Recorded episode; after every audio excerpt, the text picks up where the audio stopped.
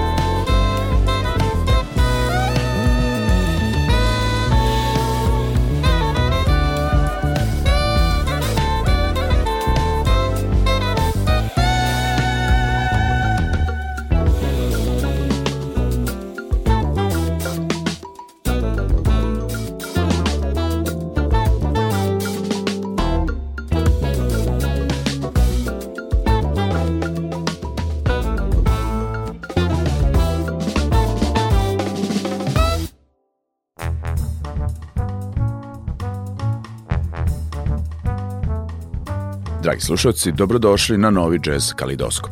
Pred nama su večeras dva odlična albuma. Jazz umetnika sa ovih prostora, potpuno različitih senzibiliteta. U prvom delu emisije, kako su verovatno neki od vas već i prepoznali nakon uvodne numere, slušat ćemo drugo studijsko ostvarenje najaktivnijeg srpskog džez bubnjara u 21. veku Peđe Milutinovića, koje nosi naziv Creality. Nakon toga posvetit ćemo se debitantskom albumu naziva New Horizons talentovanog hrvatskog gitarista i kompozitora Zvonimira Radišića. Nakon sjajnog albuma prvenca Veritas Vinic, objavljenog 2020. godine, Peđa Milutinović se na ovom izdanju još više okrenuo modernim tehnologijama i veštačkoj inteligenciji radi kreiranja priče koja donosi savremen, kreativan pogled na improvizovanu muziku sa velikim potencijalom za komunikaciju sa mladim generacijama. Međutim, to nikako ne znači odsustvo ljudskog, intuitivnog, spontanog. Naprotiv, izuzetna ekipa domaćih mladih muzičara je doprinala u velikoj meri muzičkoj svežini i raznovrsnosti osam kompozicija koje se nalaze na albumu, sa koga smo upravo čuli numeru Balkan Traffic. U nastavku emisije slušamo prvo naslovno Creality sa specijalnim gostom iz Slovenije, trubačem Tomažom Gajštom, a potom The Future is Ours. Uživajte.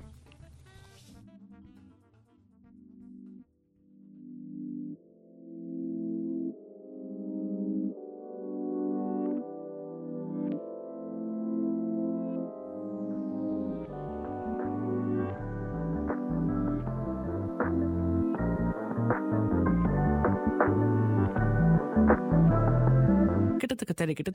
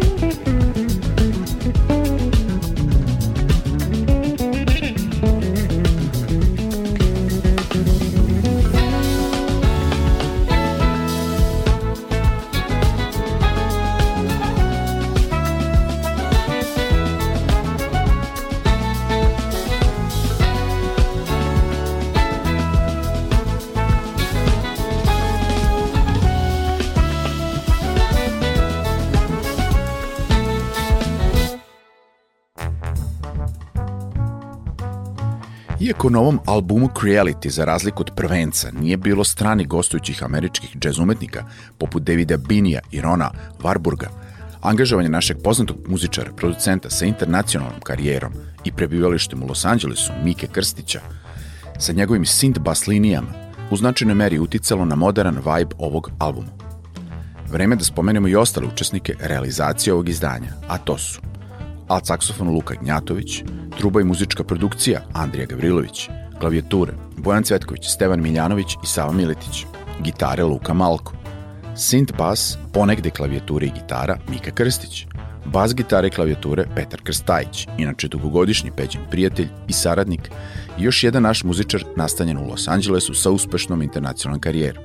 I naravno, bubnjevi, semplovi, muzička produkcija, a ponegde klavijature i synth bas Peđa Milutinović. Sve osim jedne kompozicije aranžirao je samostalno naš poznati bubnjar umetničkog imena Drambuti, dok je kao kompozitor najčešće sarađivao sa nekim od prijatelja sa kojima je i snimao numere.